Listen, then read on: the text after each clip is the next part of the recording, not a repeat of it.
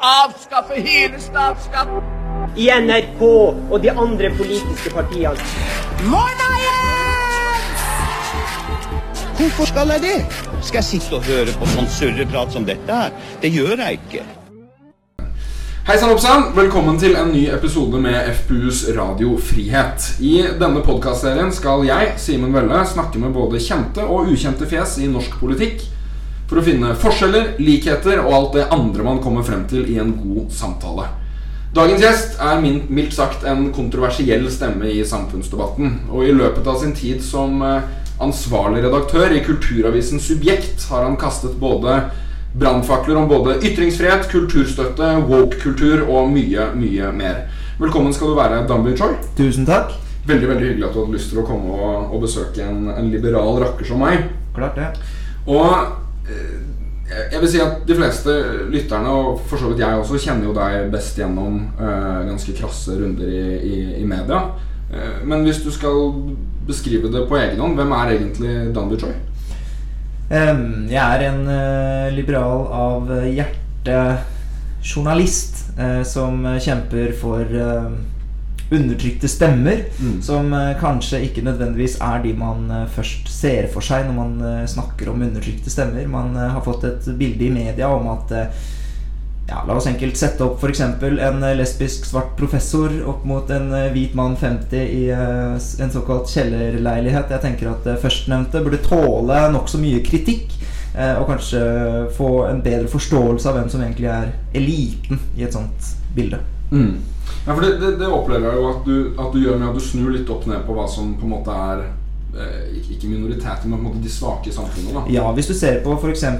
transdebatten, hvor eh, Mm. jeg bl.a. har engasjert meg eh, litt etter hvert, så er det jo sånn at eh, man tenker ofte om transpersoner at de er eh, svake. Og det er de jo. De eh, er overrepresentert i, eh, i eh, mange negative statistikker. De blir drept og holder legningen sin og sin kjønnsidentitet skjult. Mm. Det er det ingen eh, grunn til å stikke under en stol eh, for. Men eh, det som eh, likevel er sannheten, er at de har eh, politikken på sin side, de har til og med loven på sin side, og de Mm. har eh, ekstra sterk beskyttelse i f.eks. hatytringsparagrafen. Mm. Eh, mens eh, transkritikerne, de har, jo, de har jo ikke engang en opposisjon eller en opposisjonell politiker eller politisk parti som virkelig støtter deres sak. Så, så jeg, som du sier, så er det ofte jeg har lyst til å snu litt om på det bildet og spørre hva som egentlig er den kontrære kritikken, eller hva som Mm. egentlig er det som bringer debatten videre. da.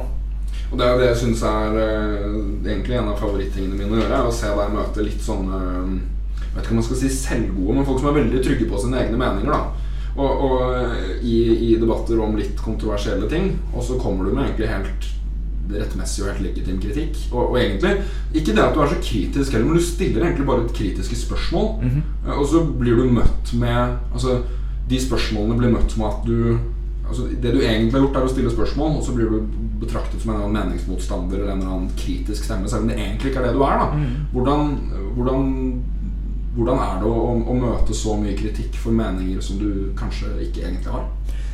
Dessverre så er det jo sånn at eh, man må tåle ganske mye etter hvert, og man kommer ikke til å vinne frem i alle saker og sånn, men etter hvert så har jeg blitt litt sånn mer opptatt av å ha rett enn å få rett. Mm. Det er kanskje litt sånn viktigere for en journalist da, enn for en politiker som tross alt må, må ha oppslutning til slutt, men for meg så er det mye viktigere eh, Kanskje litt langt å dra den, men å, men å eh, eh, dø stående enn å leve kneblet. Mm. Eh, og hvis eh, det skulle være hva gjelder eh, faktisk eh, statistikk om eh, kriminalitet eller innvandring, eller hvorvidt eh, vitenskapen støtter flere kjønn, eh, så er det mye viktigere for meg å, å prøve å argumentere for hva som er rett, selv om jeg ikke nødvendigvis får umiddelbar rett. Mm. Og så er det jo sånn med oss liberale at uh, tyngdekraften vil jo alltid trekke imot. Uh, ytringsfrihet er også en slags sånn sti som gror igjen med mindre man bruker den hele tiden. Så Mm. tyngdekraften kjemper imot oss, da. Eh, og en, vi vil nok aldri være sånn majoritet populære blant den aller største majoritet. Eh, og det må vi bare leve med etter hvert. At eh, likevel så finner man oppdraget eller oppgaven så viktig at man likevel gidder å ha, prøve å ha rett i stedet for at man får den retten. Eh, Men du er jo, du er jo tross alt ansvarlig redaktør for en, for en kulturavis. Hvordan, hvordan opplever på en måte leserne og resten av, av staben det at du tar debatter som ikke nødvendigvis bare handler om kultur? Ja, eh, Det er et gans, ganske interessant spørsmål som vi får fra alle kanter. Men eh, folk spør hvorfor snakker dere så mye om debattkultur rundt trans eller hijab eller osv. Når, man, eh, når dere kaller dere for en kulturavis. Men hva er egentlig mer prekært for, eller av kulturspørsmål enn hijab-debatten? da? Mm. Eh, og hva er egentlig mer kultur enn hvordan vi tenker, ter oss på? Eh, kultur er både hvordan vi kler oss, og hvordan vi ter oss, og hvordan vi dekker på bordene. Men det er også hvordan vi tenker ideer. Eh, og I tillegg til det vi anser som den klassiske kulturjournalistikken da, om smal kunst og kultur. Mm. Eh, Men så er det jo også det at vi startet med, å, med et ønske om å innovere kulturjournalistikken, som lenge hadde vært veldig sånn Det viser alle rapporter også, at kulturjournalistikken har vært veldig servil. Mm. Eh, og så har man lenge sagt at Subjekt ble jo i starten stemplet som en kulturfiende fordi vi stilte så mange kritiske spørsmål. Hvorfor kan ikke dere bidra til at kulturlivet blomstrer, liksom? Mm. Eh, og det er jo et, en, et berøm, en berømmelig hensikt, men, men jeg tror det fungerer kontraproduktivt. Da. Man kunne jo også sagt at eh, oljenæringen har jo bidratt med så fantastisk mye rikdom til Norge. Hvorfor må de klimajournalistene stille så jævla mange kritiske spørsmål? Mm. Kan ikke bidra til at den eh, næringen vokser? Jeg tror alle vil forstå at eh, det handler om å utvikle næringen i en mer eh, produktiv, effektiv og ikke minst mer klima- og bærekraftig retning. Og det, Mm. det trenger vi journalistikken for. Da. Så vi stiller mange kritiske spørsmål som får mange til å tro at vi liksom ikke er for kultur. Det er en kortslutning, mener jeg. da. Mm. Eh, hvordan ville du beskrevet eh, tingenes tilstand? er på en måte litt rart begrep. Men altså, hva vil du si status er i Kultur-Norge? Det er veldig mye debatt om norsk kultur og kulturstøtte og bruk av skattepenger og de tingene der. Jeg er jo FPU-leder, så du vet jo brått hva jeg mener om de tingene. Ja, og jeg syns det er helt fantastisk at eh, disse debattene har kommet opp. Og i starten så var det jo denne sløseriombudsmannen, da, Mm. Are Søberg, som vekket mye debatt, og med god hjelp fra Subjekt. Og vi har vel egentlig hele tiden eh, slitt med den eh, litt sånn overlegne holdningen til at disse ikke skal møtes, disse ikke skal svares. ikke sant? Og de bare forstår ikke kultur. De er for dumme, de. Mm. Eh, så, som, om, eh, som om man bare skal få statsstøtte uten, uten noe krav til å begrunne det. Eh, Så jeg mener jo at eh, i eh, verste fall så har vi bidratt til at kulturlivet svarer bedre for seg.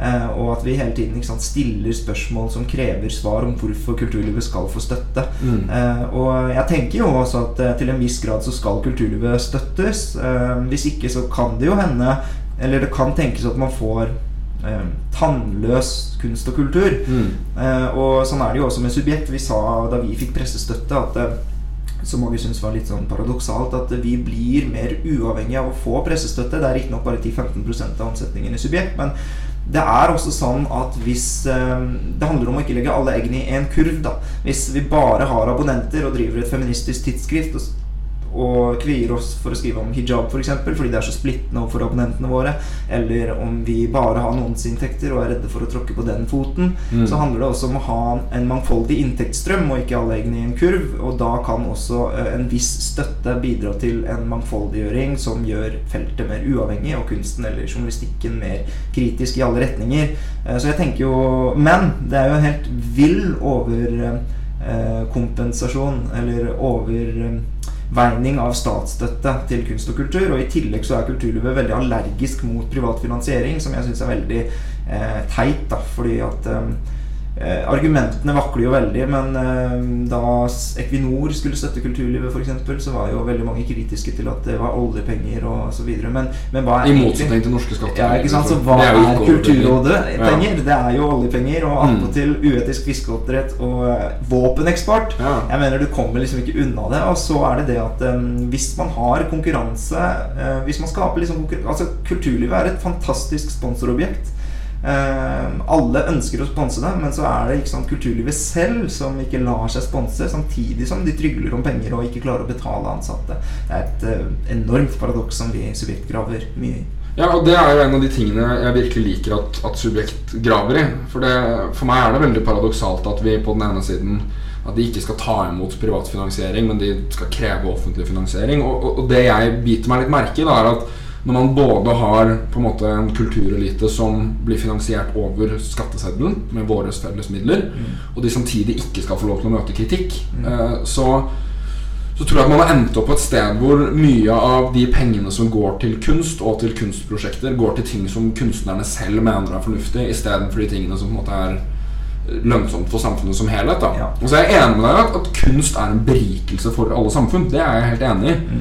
Men, men jeg personlig stiller meg veldig skeptisk til at Altså, jeg mener jo i utgangspunktet det at hvis du er god nok i det du driver med, så har folk villige til å betale for å enten kjøpe det eller se på det, eller en billett, eller hva nå enn det er. Ja, men det kan tenkes at eh, det blir en eh, ensretting da, av kunst- og kulturuttrykk som, eh, som egentlig ikke har vist seg å ha stor kvalitet før i senere tid osv. Men, men det er jo ikke sånn at eh, Men jeg er helt enig, hvis du ser på utelivet i Norge eller på restaurantene, så er det jo det er ikke noe tvil om at det er kvalitet i uh, Maemo som klarer seg selv. Det er ikke noe tvil om at det er kvalitet i de restaurantene som klarer seg bra, Mm. og at det tvert imot er de dårlige som, eh, som eh, ikke gjør det. Men, men eh, det er ikke utelukkende sånn heller, og jeg tror også at det er viktig med kunstnere som spesialiserer seg i et felt og trenger litt sånn eh, sakte behandling. Da. Men fordi da Om jeg tolker deg rett, da, naturligvis, eh, så er jo på en måte argumentet ditt litt det at hvis man ikke på en eller annen måte forvalter det gjennom det offentlige, Mm. så vil det bli for snevert, det vil bli tannløst, og, og noen av disse prosjektene som eh, trenger litt tid til å vokse, da, ville muligens ikke blitt gjennomført. Mm. Mener du at, at det er en statlig oppgave å utvikle kulturen, på en måte? Ja, eh, Churchill sa vel en gang eh, under krigføring eh, eller noe sånt at eh, han eh, likevel ville gi støtte til kunst og kultur, og så ble han stilt kritiske spørsmål ved det, og da svarte han at ja, men hva er det vi egentlig kjemper for, om ikke kulturen? Mm. Eh, og så er det mm, også dette med at Edvard Munch er jo et veldig godt eksempel på den ene store kultureksporten vår, og som inviterer fantastisk mange turister til Norge. Mm. Han, eh, han er også et resultat av at eh, kommunen ville støtte den. Og så, og så er det jo veldig sjelden dette skjer, og så er det jo grunn til å tro og grunn til å mistenke at um, kunsten tildeles ikke støtte på samme premisser i dag. Det er sånn eh, det blir, Kulturrådet blir et slags, et slags nav hvor man skal hjelpe egentlig de som ikke får det til, i stedet for å bare fokusere på kvalitet. Og da er det jo rett og rimelig å snakke om sløsing, fordi at det må, Målet må jo være kvalitet, men så har man mangfold og bærekraft og alle disse tingene som de skamløst innfører som kriterier. Bergen kommune ved MDG eh, byråd for kultur Katrine Nødtvedt hun innførte krav i fjor til at hvis man skulle få støtte fra Bergensk eh, kasse, eller Bergen kommunes kunststøtte, så måtte man sjekke av på noen kriterier da, for mangfold og bærekraft.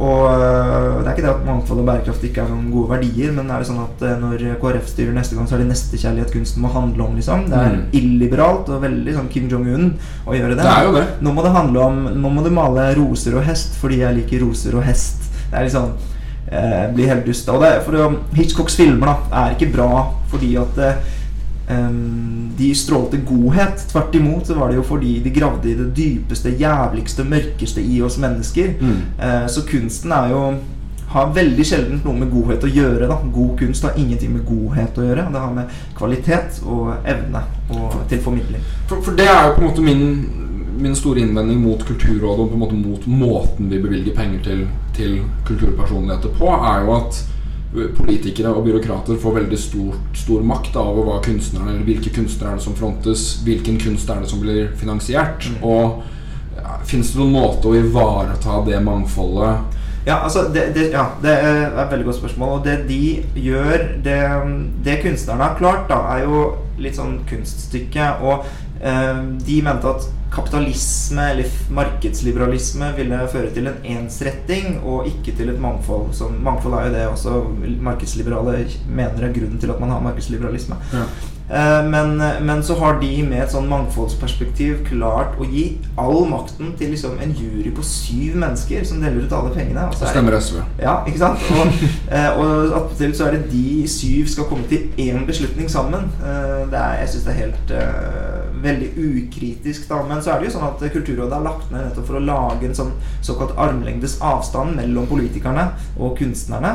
Men det er jo likevel politikerne som setter denne juryen på syv mennesker som byttes ut. Og de får det ikke til å fungere uten masse inhabilitetskluss. Da. Det er liksom kunstnere som går på rundgang i å sitte i de juryene. Og, Mm. og eh, det kan jo tenkes at eh, når noen får støtte av én, så skylder de på en måte tilbake neste gang. Og det er på, en måte, på ingen måte en veldig bra ordning. eh, kun hvis den er, står i sterk konkurranse mot eh, sponsorer eh, og et fokus på kreativ næring. Da.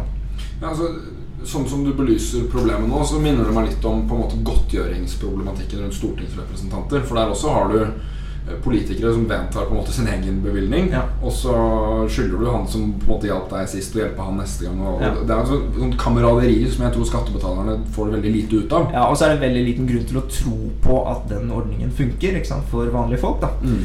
Eh, Så det bidrar jo også til denne negative onde spiralen hvor eh, folk bare ikke skjønner vedtakene i Kulturrådet. De kommer jo De støtter ting som bare vanlige folk ikke forstår. Mm. Eh, Det kan jo tenkes at eh, det kan eh, være et, eller altså Å få inn en mann i gata representant i de juryene kan også være et steg i riktig retning. Så Jeg synes ikke Jeg tenkte først at det var en ganske idiotisk idé at uh, Are Søberg skulle sitte i en sånn jury, men det, det kan faktisk bidra til å reise tilliten da, til Kulturrådet at de har en representant.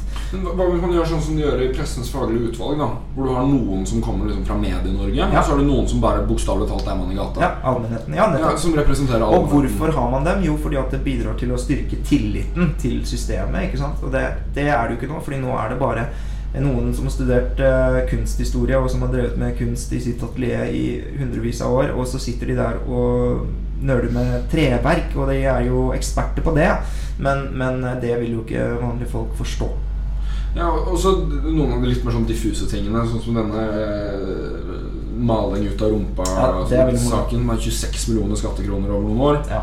Eh, denne tyske damen som eh, fikk x antall millioner kroner for å beføle torsk oppe i Tromsø. Ja. Altså, det, det er jo en, på en måte enkelteksempler, jeg er enig i at det ikke nødvendigvis på en måte representerer hele ordningen. Mm. Men når det settes i sammenheng med Den kulturelle skolesekken, for eksempel, så skjønner jeg jo at, at folk i min, eller vår generasjon da, vokser opp med et ganske sånn skeptisk blikk til norsk kultur. Mm.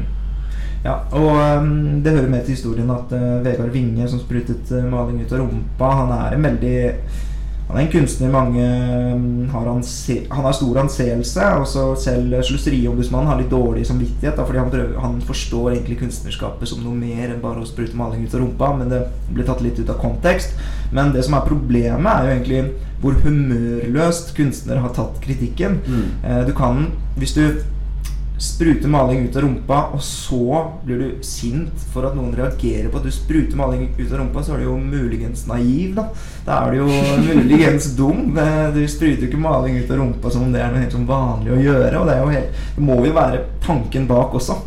Så, så um, ja. Og hvis kunstnere ikke skal ha humør, da, så hvem, hvem i verden skal ha det, om ikke liksom de som jobber med kultur og ja. Jeg, jeg, opplever det som en bransje som, som tar seg selv kanskje litt vel høytidelig. Ja, og det er et stort problem fordi, og et paradoks, fordi at kunstfeltet burde romme mye takhøyde. Og det er jo det vi egentlig har sett, at kulturfeltet lenge har proklamert mangfold og inkludering, og så er det liksom så trangt.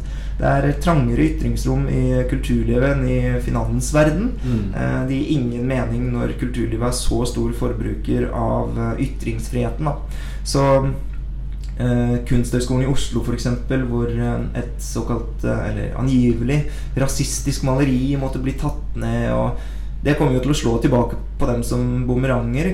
Fordi at eh, kunstnere alltid har vært annerledestenkende og eksentriske og utfordret eh, etablert eh, common sense. Så hvis eh, de begynner å bli politisk korrekte og moralens portvoktere, så, så kommer de til å ta seg selv før en gang, før en gang Kulturrådet rekker å legges ned. Altså. Og det, og det, og det bringer meg litt over til, til denne store woke-debatten som har pågått mm -hmm. de siste årene.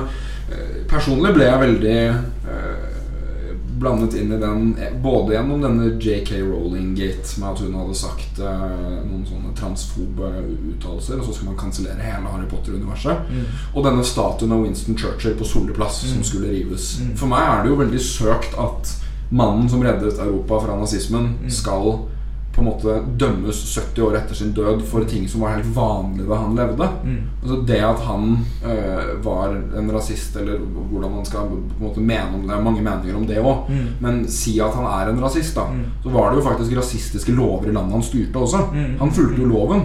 Det kan jo også tenkes at um, hvis vi, vi foreslo jo å sette opp statuer i stedet for rivende gamle, og blant annet eh, han eh, irakeren, jeg husker ikke hva han heter, men som bidrar til å finne, til å finne olje i Norge, da. Mm. Men det kan jo fort tenkes at han også må rives om 50 år, ikke sant? fordi han bidro til eh, den klimakrisen, f.eks. Og hvis man gjør det, hvis man tenker at historien må slettes hvert 50. år fordi at man tenker nytt, det, så er man eh, rett og slett historieløs. Og hvis ikke kunsthistorikerne står på barrikadene for å kjempe for nettopp minnene våre da, og Mm. Vi mennesker skiller oss fra dyr fordi vi klarer å ta med historier vi ikke har opplevd selv, med i betraktningene og beregningene om hvordan man skal gjøre ting. Mm. Men hvis man sletter historiene tilbake i tid, og hvis kunsten ikke skal være bidragsytere til eh, å opplyse folk, da, eh, da har man rett og slett blitt så woke at eh, man glemmer hva kunst og kunsthistorie var til for. Mm. Eh, og det er et paradoks at bibliotekarene i Norge skulle kansellere JK Rowling for en utspill om trans. De skulle bare visst hva slags bøker de har i hyllene selv. Mm. Det er jo både Hitler og alt mulig for og mot religion. Og poenget må jo være å verne om disse forfatterne prinsipielt. Mm. Eh, og at ytringsfriheten er et gode. Og så er det jo ikke sånn at du må lese en bok. Eh, Det er ikke sånn at du, Ingen tvinges til å lese en bok, så det er jo bare å holde seg unna. Men å liksom skulle slutte å promotere Harry Potter-bøkene utelukkende pga. en uttalelse som riktignok har eh, vitenskapen på sin side, og alt sånt, ikke at det er så prinsipielt eh, viktig å få med av opplysning, eh, så begynner man å være så årvåkne. Det er sånn jeg beskriver woke også. Man begynner å bli så årvåkne på em, problemer at man ser problemer som ikke finnes, da man ser spøkelser. Men det slår i alle retninger. Altså en av, jeg holder på å lage en sånn liste over de wokeste til, norske wokeste tilfellene. Og det er et veldig morsomt eh, eksempel med hun eh, Human Rights Service, eh, Hege Storhaug, Ja. som, som eh, skrev en artikkel i HRS om at eh, da NSB byttet navn til Vy, så skulle de få grønn logo. Og det mente hun var fordi at eh, grønn er profeten Mohammeds favorittfarge. da det, er tynt, Det er også eh, veldig woke, da. Eh, Men, men, det, det er, men det skal nok Sannheten er nok at de venstresiden har mest skyld i wokeness. Men, men bare for å eksemplifisere det. Mm.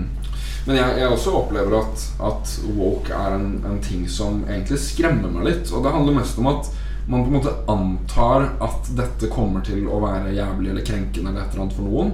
Og fordi man i forkant av utsagnet antar at det kan være drøyt, Ja. så på en måte sensurer, sensurerer man det. Ja. Og én ting er disse tingene som blir sensurert i etterkant, men det som egentlig skremmer meg mest, er alle de personene som ikke tør å si det de mener fordi de er redde for konsekvensene. Ja, ja.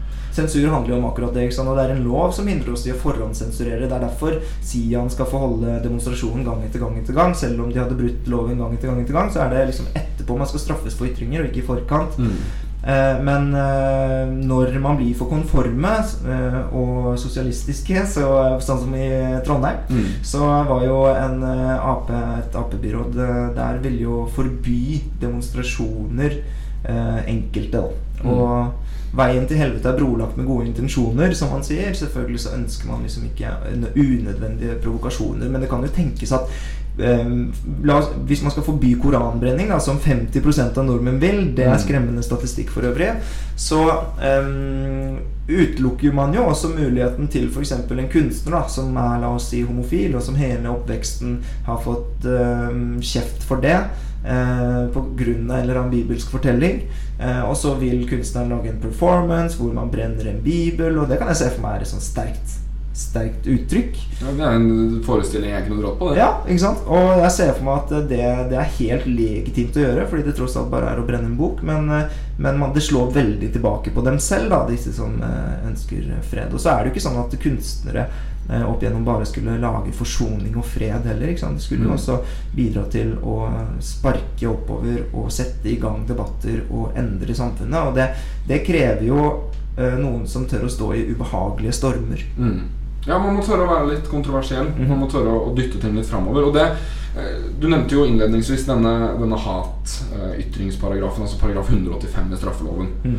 uh, som omhandler uh, religion, etnisitet uh, Hudfarge- hudfarge, ja. hudfarge, etnisitet, religion og det er vel seksuelt uttrykk og seksuell legning eller et eller annet sånt. Mm. Det er jo en, en, en av de paragrafene i straffeloven som jeg vil si har blitt diskutert mest. Mm. Eh, jeg vet ikke helt personlig hva jeg syns om den paragrafen. Hva tenker du? Nei, man blir liksom dummere og dummere for, øh, jo mer man øh, Jo mer man dyper i det, dykker i det. Det er veldig vanskelig. Jeg har ikke konkludert Eller jo, jeg har kanskje konkludert med at den fungerer greit. Jeg, vil ikke, jeg, jeg er ikke en av de som ønsker den paragrafen vekk. Men, øh, men jeg, samtidig så er jeg jo veldig kritisk til Høyesteretts øh, siste dom. eh, i, hvor hatytringsparagrafen er brukt. Da. Så hvis eh, man ikke klarer å håndheve eh, den så klokt, så er det jo om å gjøre å gjøre noe med det. Men, eh, men det er en skikkelig vanskelig paragraf. Det, det, er, det er jo sånn at ytringsfriheten er ikke absolutt. Um, Nei, og Det kan det jo nesten ikke være heller. Nei, og det er det ingen ytringsfrihetsforkjempere som kjemper for. Og det er det eh, Eller veldig få eksperter som mener at eh, ytringsfriheten burde være absolutt. Som eh, oppfordring til vold, trusler og rene hatytringer. Men så er det jo ikke helt enkelt å, å eh, vurdere hva en hatytring er. Eh, så, og det har jo også retten slitt med, som vi ser. Så det er nok eh, vanskelig. Jeg har ikke helt konkludert. Ja, det var godt å høre at ikke du var helt uh, visste Nei, det er veldig vanskelig. Jeg, jeg, jeg syns den er veldig kompleks. Og sånn, Ta den Bernt Hulske-saken, da. Ja. Uh, hvor han sier en ting som eh, Nei, man skal ikke si det til andre mennesker. Det er jeg enig i. Det er en dum ting å si. Mm. Men er det riktig å gi noen 24 dagers frihetsfradragelse? Han er jo dømt til 24 dager. Riktignok betinget fengsel, da. Men han er jo dømt til 24 dager i fengsel for å si noen ord til et annet menneske. Ja, Eh, og så er det jo også sånn at øh, straffen hans eh, oppleves nok som eh, Altså den sosiale bedømmelsen øh, øh, er nok mye større straff for han Mm. enn hva loven evner å gi. Så, så det er jo også et argument for at man ikke trenger en sånn lov, men at man i et liberalt perspektiv klarer å løse dette i et sivilisert samfunn. ikke sant? Og det- er jo litt det jeg tenker òg, at, at ytring skal møtes med motytring og med Mm. diskusjon. Mm. Uh, og det er det jeg er litt redd for at et, på en måte et for tydelig lovverk vil på en måte motvirke. da Mm. Eh, Fordi det vakreste jeg ser på Sian-demonstrasjoner, er jo ikke disse fire folka fra Sian. Det er jo disse to andre, 200 andre menneskene som står med ryggen til. Mm, mm. Eller at de ikke møter opp noen i det hele tatt. Eller at de blir overdøvet. Eller at man på en måte har en eller annen form for motreaksjon som ikke involverer å kaste ting. Ja. Eh, Men jeg er litt redd for at hvis man på en måte alltid skal dra eh, ytringer og uenigheter og kontroversielle utsagn inn i en rettssal, så vil man jo miste deler av samfunnsdebatten. Én ting er jo at disse menneskene kanskje kan være redde for å si det offentlig, og så får man den der ekkokammerproblematikken med at de snakker med hverandre istedenfor alle, som jeg også mener er veldig skadelig. Men kanskje spesielt det at øh, man ender jo da opp med at alle som er litt kontroversielle, til slutt blir dratt inn i en rettssal. Da. Nå står det i straffelovens paragraf 185 at hvis du hetser noen, eller på en måte har en eller annen hatefull ytring, så er det et definisjonsspørsmål det òg, mot et kjønnsuttrykk. Og da mener jeg ikke ditt biologiske eller juridiske kjønn, men altså kjønnet du selv identifiserer deg med. Så kan du straffes for det. Eh, og som du innledet med, så er jo på en måte biologien og forskningen er jo ikke nødvendigvis på side med de aktivistene. Men det er jo nå loven. Nei, eh, og så ja, nettopp. Og så setter man eh, eh, Presedens kan jo bare sant, eh, begrense. Eh, og vi Jo oftere en ytringsfrihetssak havner i en rettssal, og jo oftere det felles dommer her, så er det jo sånn at eh, man skaper en sånn falsk sånn begrensning i hvordan man tenker og sier ting. Mm. Eh, det er sånn lufta for alle, men ikke denne luften, på en måte. Man kan si alt, men ikke ja, det, er, det er veldig merkelig, så det funker egentlig ikke i praksis å ha for mange sånne begrensninger heller. Mm. Eh, og så har man jo humor og kunst, da. Mm. Som er til for å knuse disse tingene. Mm. Det var veldig moro nå på fredag hvor, eh, hvor eh, Anine Kierulf eh, ble liksom feilsitert i en sånn Dagens viktigste nyheter-spalte Ja, på Nytt på Nytt. Gøy. Hvor eh, hun da sa N-ordet for å sitere hva, så, hva Hulsker hadde sagt. Mm. Eh, og så, eller i en annen situasjon. Eh, og da tenker jeg jo Retten kan jo ikke dømme Nytt på Nytt for det. Så det er jo også liksom kunstens funksjon ikke sant? og Mm. humorens funksjon. Og liksom knuse tabuer og egentlig hvordan man tenker om disse tingene. Da. Men jeg mener også at det er altså En ting er at det er kunsten og humoren og på en måte satirens viktigste virkemiddel. Mm. Men jeg mener jo også at som f.eks. For, for politikere, da i Mm. den situasjonen jeg står i, så er jo jeg Jeg er jo avhengig av å kunne løfte de debattene jeg og mine medlemmer og de folkene som stemmer på meg, mener. Og Der er jo øh, egentlig et dagsaktuelt eksempel i dag. Nå blir jo denne episoden sikkert lansert litt senere, men i dag så har jo Fredrik Solvang tatt ned en episode av Debatten som skulle blitt sendt i kveld, om hijab. Eh, Og den vil jo vil i utgangspunktet handle både om situasjonen i Iran, som jeg mener er veldig viktig å snakke om, eh, og om norsk lovgivning rundt disse religiøse hodeplaggene. Og eh, hva tenker du om at man fjerner den debatten? Jeg syns det er eh, hårreisende, og det, er, eh, det står ikke til troende at eh, de i NRK eh, har gjort dette av rent journalistiske grunner. Og grunnen til at jeg hevder noe sånn, er fordi at de kommer med en veldig vaklende forklaring som endrer seg underveis med kritikken, eh, som i beste fall eh, bidrar til å svekke NRKs tillit. Eh, I starten så var det jo Fredrik Solvang som eh, sa at episoden ikke blir noe av etter kraftige reaksjoner. Eh, særlig hva gjelder at hijab-debatten ikke burde tas i lys av demonstrasjonene i Iran. Det hadde liksom ikke noe med hverandre å gjøre, og man måtte holde hodet kaldt og skille det fra hverandre. eh, Som i det hele tatt er eh, idiotisk, fordi at eh, det er en revolusjon vi muligens ser som har startet med en hijab. Eh, og det er klart at eh, hvis det ikke har sammenheng, så er det veldig lite her i verden som har sammenheng. Det er, det er ingen tvil om at dette har med hijab å gjøre.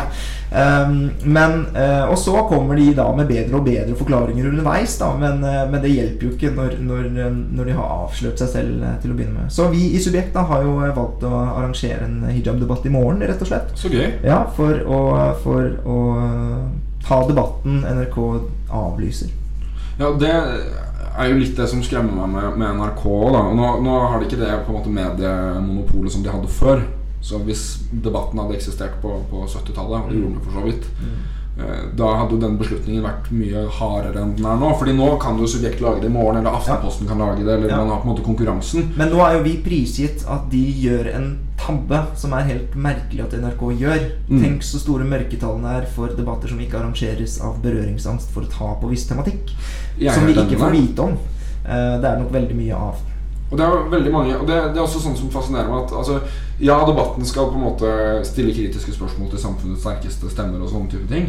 Uh, og de er veldig glad i å ta med folk som ikke er politikere eller ikke har en eller annen rolle, uh, og som mener ting, uh, så lenge de er radikale på venstresiden. Eh, men de drar jo aldri Helge Lurås eller Hege Storhaug eller en eller annen person som på en måte også er radikal, men på den andre siden, inn i det studio.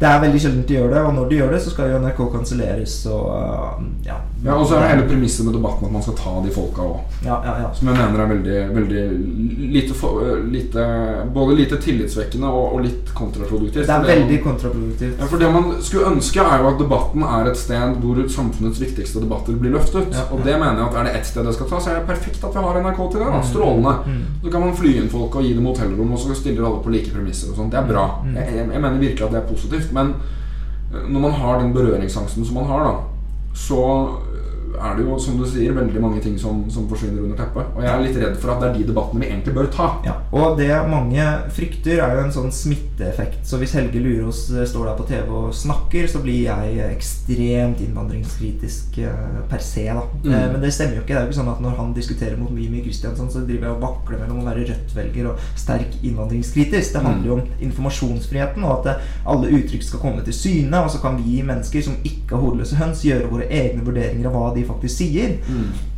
Men eh, når vi får høre om at f.eks. Helge Lurås blir kansellert, så gir det god grunn det heller til å ikke tro på at demokratiet eller at journalistene gjør jobben sin. Um, og det er kontraproduktivt. Det finnes en forskningsrapport fra CRX, eh, Senter for ekstremismeforskning på UiO, som viser at eh, høyrepopulistiske partier bidrar til mindre høyreekstrem vold i Europa. Så land i Europa med mindre høyrepopulistiske partier har større sannsynlighet for høyreekstrem vold. Og det er jo fordi at um, um, ytringsfriheten fungerer som en ventil. Det er Mm. trykkokerteorien. Uh, og selvfølgelig er det sånn at uh, mange får grunn til å anta at eh, det, det er bare venstresiden som får lov til å snakke på TV. Hvis det faktisk er bare venstresiden som får lov til å snakke på TV, og man ser tilfelle etter tilfelle av at eh, stemme, upopulære stemmer på høyresiden kanselleres, da. Så uh, her er det en jobb å gjøre, og jeg syns det er helt uh, ironisk at mange medier med så sterk finansiering ikke tør å stå i noen sånne ubehagelige situasjoner. At vi i Subjekt liksom skal ta opp den debatten NRK må avlyse. Det er egentlig fascinerende. Mm. Og så tenker jeg også litt det at øh, jeg tror de på en måte motvirker det de egentlig forsøker å oppnå. For det de forsøker å oppnå med å f.eks. kansellere Helge Lurås, er jo at ingen skal høre på Helge Lurås. Men det kommer jo fram at det blir kansellert, og da vil jo de menneskene som er tilbøyelige til å være enige med Helge Lurås, google ham i stedet. Ja, og så altså, lese de tingene grunn- han skriver uten, som står helt uimotsagt. Nettopp, Og grunnen til at Resett eksisterer, er jo fordi at folk ikke har tillit til at NRK inviterer ham dit. Ikke Ikke sant? Så hadde, man hadde jo ødelagt hele markedet for Resett om han stadig vekk var på TV, og sånne som han var på TV.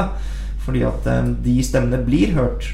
Men eh, det er når de stemmene ikke blir hørt, at de føler seg ja, stigm underrepresentert. ikke sant? Og så mener jeg også det er en verdi av å, å stille kritiske spørsmål også til disse. da Ja, helt klart. Det er jo ikke sånn at Sian får så sykt mye medlemmer av at de står og gauler. Det de får medlemmer av, er at man prøver å stoppe dem. Ja, nettopp. Da øker medlemstallene til Sian. Mm. Men hvis man hadde dratt hun der Jeg husker ikke hva hun gærne dama med, som alltid brenner Koranen heter. Ja. Det er ikke så viktig at man nevner navnet hennes i den podkasten her heller. Men hvis du hadde dratt hun inn i et Dags 18 da, Mm. mot en eller annen som virkelig kan ting, Mm, mm. så blir jo hun fullstendig avkledd med en gang. Og jeg tror også mange av de menneskene som er tilbøyelige til å være enige med Sian, ville eh, tenkt seg om to ganger da hvis, hadde, hvis den kritikken hadde blitt ført på en ordentlig måte. Akkurat. Men det vi gjør nå, er jo at vi later som at problemet ikke eksisterer, istedenfor å løse problemet. Mm. Fordi det er høyreekstreme mennesker i Norge. Mm. Og de er høyreekstreme fordi de analyserer samfunnet på en eller annen måte. Kan man ikke da diskutere analysen deres, da? Du, bare si det at nei, altså Ja, ytringen din er på en måte eh, Det er en, en ytterliggående ytring, men den er jo ikke ulovlig. Ja. Den må jo behandles som alle andre ytringer.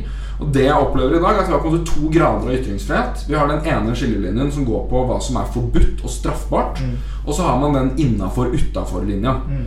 Eh, Og, og jeg mener i utgangspunktet at i et perfekt samfunn så hadde det holdt med den innafor-utafor-linja. Mm. Med at samfunnet som helhet på en måte vurderer hva som er greit og ikke. Ja. Men da skal folk stoppes ved at de får beskjed om at det de gjør, er feil. Ja. Ikke fordi man på en måte nekter dem å, ytre seg i, utgangspunktet. Ja, det er mange som, eh, av mine meningsmotstandere som stadig påpeker at ja, men Norge er jo verdensmester i ytringsfrihet. Vi har en kjempebra vi har kjempebra juss rundt eh, ytringsfriheten, og eh, det fungerer veldig bra. Og det er sant. Men hvis du spør norske Mohammed-karikaturtegnere om hvorfor de ikke tegner profeten Mohammed, så det er jo ikke det av frykt for å få politiet på døren. Det er jo ikke fordi at det er ulovlig å tegne profeten Mohammed at folk ikke gjør det. Men likevel så frykter de altså for eget liv og for sin egen helse. Altså. Det betyr jo at det er glasstak i samfunnet et eller annet sted som man ikke ser, og som man syns ikke er et problem, med mindre man er de blant de som hopper da, og treffer det taket. Og det kan jo eh, faktisk være sånn at de som tegner profeten Mohammed, gjør noe veldig viktig og be- beveger samfunnet fremover, og at eh, her hvor gnisningene står, så står også kampen. Mm. Eh, men det er veldig Altså, de som ikke har blitt kansellert, syns at kanselleringskultur ofte ikke finnes. Eh, men, eh, men det er fordi man ikke ser de glasstakene og, og lener seg til at liksom jussen er god nok. Ikke sant? Så dette er jo også grunnen til at vi i Subjekt skriver om det. Og tilbake til et av dine første spørsmål. Dette er kulturbetinget. Mm. Så hva er egentlig kulturen for ubehagelige ytringer? Hvorfor tegner ikke eh, karikaturtegnere eh, eh, profeten Mohammed? Og hvis man ikke stiller disse spørsmålene, så tror man at man har mer ytringsfrihet enn man egentlig har. Mm. Det var interessant det du sa om at du merker på en måte ikke glasstaket før du treffer det. Mm. det. Det kjenner jeg meg veldig igjen i.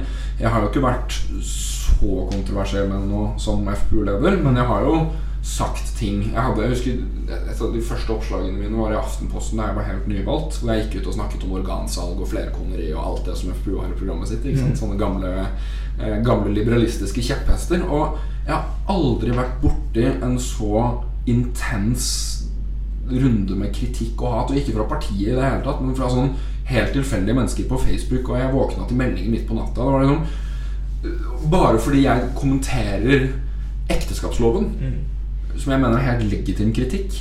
Det at to homofile menn som gifter seg, ikke har samme rettighetene som en mann og en kvinne. Eller at en enslig mann ikke har samme Altså Jeg syns det er helt tullete. Jeg syns ikke staten skal legge seg opp i de spørsmålene. Og jeg mener at, øh, at hvis man roer seg ned og tar diskusjonen sånn som vi tar den nå, så tror jeg alle i hvert fall kunne skjønt hvor jeg kom fra. da Men man blir plass Altså Det tror jeg også er en sånn skummel ting med hvordan spesielt sosiale medier påvirker mediebildet. At opp, altså, Oppmerksomhetstiden er så kort. da Og du, du er jo mye i Dagsnytt 18 og sånn selv. Du vet jo hvor korte de debattene er. Det er jo bare tull. Du får jo ikke noe ut av det. Og jeg er veldig redd for at at man går litt bort ifra øh, de lange resonnementene og, og den det forsøket på å forstå hverandre. Da. Du ser bare På Stortinget så ser du at folk stemmer ned gode forslag fordi det er feil parti som foreslår det. og sånn det, det er litt sånn jeg opplever, eh, opplever ytringsfriheten og hele den debatten. Og nå har jeg egentlig ikke noe spørsmål til deg. Jeg bare er Jeg er veldig bekymret da, for hvilken retning det her er på vei. Og, og det man ser, er jo at unge mennesker i større grad vegrer seg for å ytre seg nå enn man gjorde før. Ja, Det kom frem i en rapport at eh, 52% av unge dropper å si hva de mener også, fordi at eh, de frykter for kanselleringskulturen og opplever at samfunnet har blitt for politisk korrekt. Men ingen av de ytringene som faktisk har beveget verden, har vært politisk korrekte. Mm. Alle disse har vært politisk ukorrekte av eh, ulike typer. Og hvis man gjør det så utålelig trangt for folk å si hva de mener, så vil samfunnet altså bli konformt, og disse ytringsfrihetsstiene vil gro igjen. Og egentlig de som har det bra nå, vil fortsette vil bare beholde det som det er. Men det er jo ikke sant, det er derfor det er så paradoksalt at man liksom i det godes tjeneste gjør dette. Det er jo eh, likestillingskamper opp gjennom Black Lives Matter som tross alt ble arrangert i Norge eh, mens det var koronanedstenging og mobiliseringsforbud. Mm. Og ytringsfriheten som muliggjorde det. Mm. Men folk er altså så utakknemlige og tror at ytringsfriheten er liksom ytre høyres verktøy for å diskriminere svarte, først og fremst.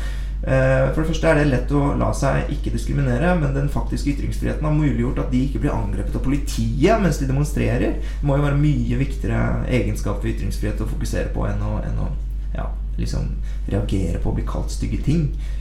Ja, og det, og det er jo en sånn innrømmelse som jeg tror er viktig at ytringsfrihet er også Altså, det det er nødt til å Altså, det er nødt til å uh, også uh, innbefatte det at jeg sier noe du ikke liker. Du kan ikke stoppe meg fra å si det jeg mener fordi du er uenig med meg. Og det er litt det jeg opplever nå. At, at de som er på på den gode siden, de som er, mener de riktige tingene, de får si hva de vil. Og, og de som mener de feil tingene, de får ikke lov til å si det engang.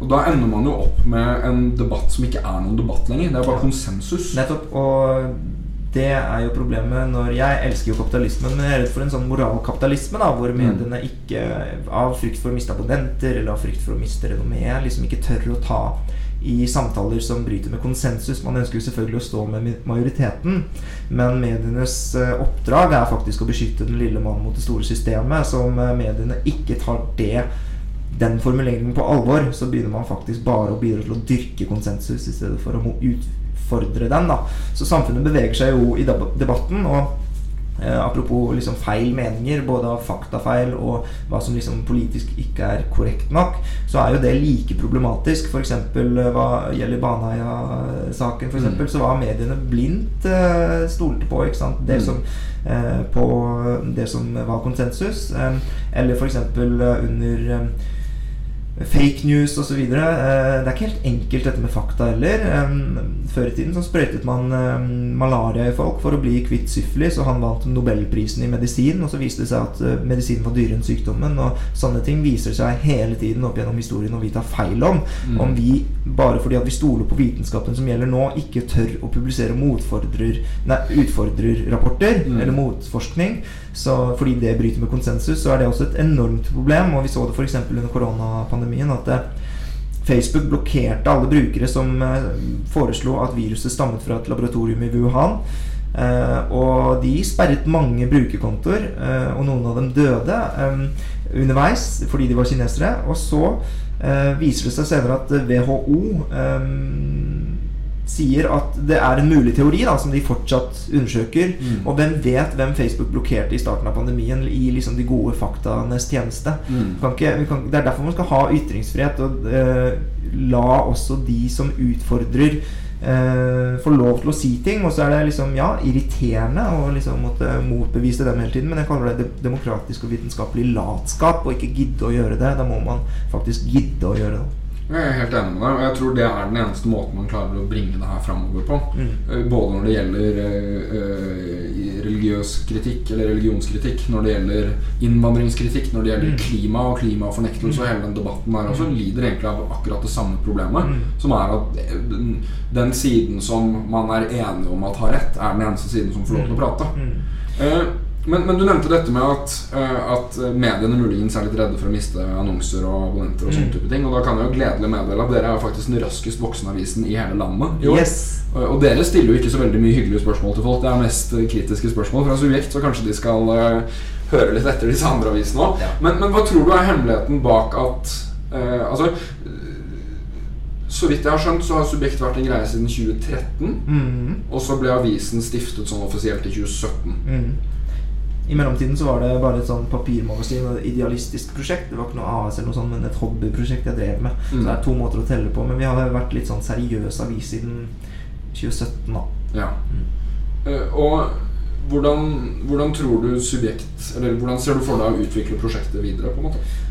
Det er ganske mange som starter sånne nissepublikasjoner. Jeg mente nisjepublikasjoner. For øvrig det samme. Alle konkurrentene våre driver med nissepublikasjoner. Da. Eh, De eh, lager da sånne nyhetsfabrikker, og det er populært med liksom Tech24 og Medie24 og Just24, eh, Rett24 og alle disse mediene. Vi ønsker egentlig å være litt bredere enn dem. Ja. Um, og mm, vi, være en eh, liberal Morgenbladet, kanskje. Vi ønsker jo egentlig å være for folk flest og ikke en sånn akademisk elite, men, eh, men se for oss egentlig at Morgenbladet er den nær, mest nærliggende konkurrenten. ja. Um, og vi kommer jo til å fortsette å vokse. Vi har en veldig sånn eksponentiell vekstkurve, og vi um, Jeg tror det er veldig mange som ønsker seg en liberal kulturavis. Da. Og kulturavis eh, høres kanskje ut som en nisje, men det gjelder oss alle. Og vi har bare kulturen i ryggraden, men kommer til å utvide feltene våre. Og vi er jo sterke, vi var jo sterke på f.eks. koronadekning. Og under koronaen så var det jo veldig et sterkt behov, egentlig, for eh, de Kritiske spørsmål. kritiske spørsmål Og som eh, Ja, jeg, vi kommer til å se merkelig tilbake på det, tror jeg. Det er helt uh, sinnssykt, sinnssykt hvor samstemte eh, Alle var plutselig alle var. Og det var så mye moralisme og stay the fuck home og liksom ingen kritiske spørsmål ved ja, grunnlovsstridende lovendringer. Eller altså for, ja. Ja, Det tror jeg egentlig bare er det beste eksempelet vi har på på en måte godhetens tjeneste. Ja. Og at hvis du er overbevist om at det er riktig, så er du villig til å knuse ganske mange egg for å lage omelett. ja, nettopp. nettopp. Eh, jeg er egentlig fryktelig fornøyd med, med den samtalen her. Eh, Likeså. Takk. Jeg kan jo røpe at jeg også har blitt abonnent hos eh, Subjekt i, Yes. i det siste. Jeg syns det er eh, fryktelig, fryktelig mye gode skriverier. Og det var jo mye av grunnen til at jeg hadde lyst til å invitere deg. Og er jo at du er jo kanskje den eneste kulturjournalisten i Norge som har baller til å stille noen kritiske spørsmål, og som tør å utfordre litt. Så det har jeg lyst til å gi deg stor kudos for. Tusen takk. Så anbefaler jeg selvfølgelig alle FPU-ere å, å abonnere på Subjekt. Der eh, får Kulturrådet og, og Kringkastingsrådet og alt mulig rart kjørt seg med jevne mellomrom. Så det Og så kommer jeg på FPUs eh, vinterleker. Gjør du det? Ja, jeg har blitt invitert av en av dine kolleger. Ja, men Så gøy. Så jeg skal holde et foredrag om et eller annet. Da ses vi i skibakken, da. Yes. Strålende. Tusen takk for at du ville komme. Takk for meg.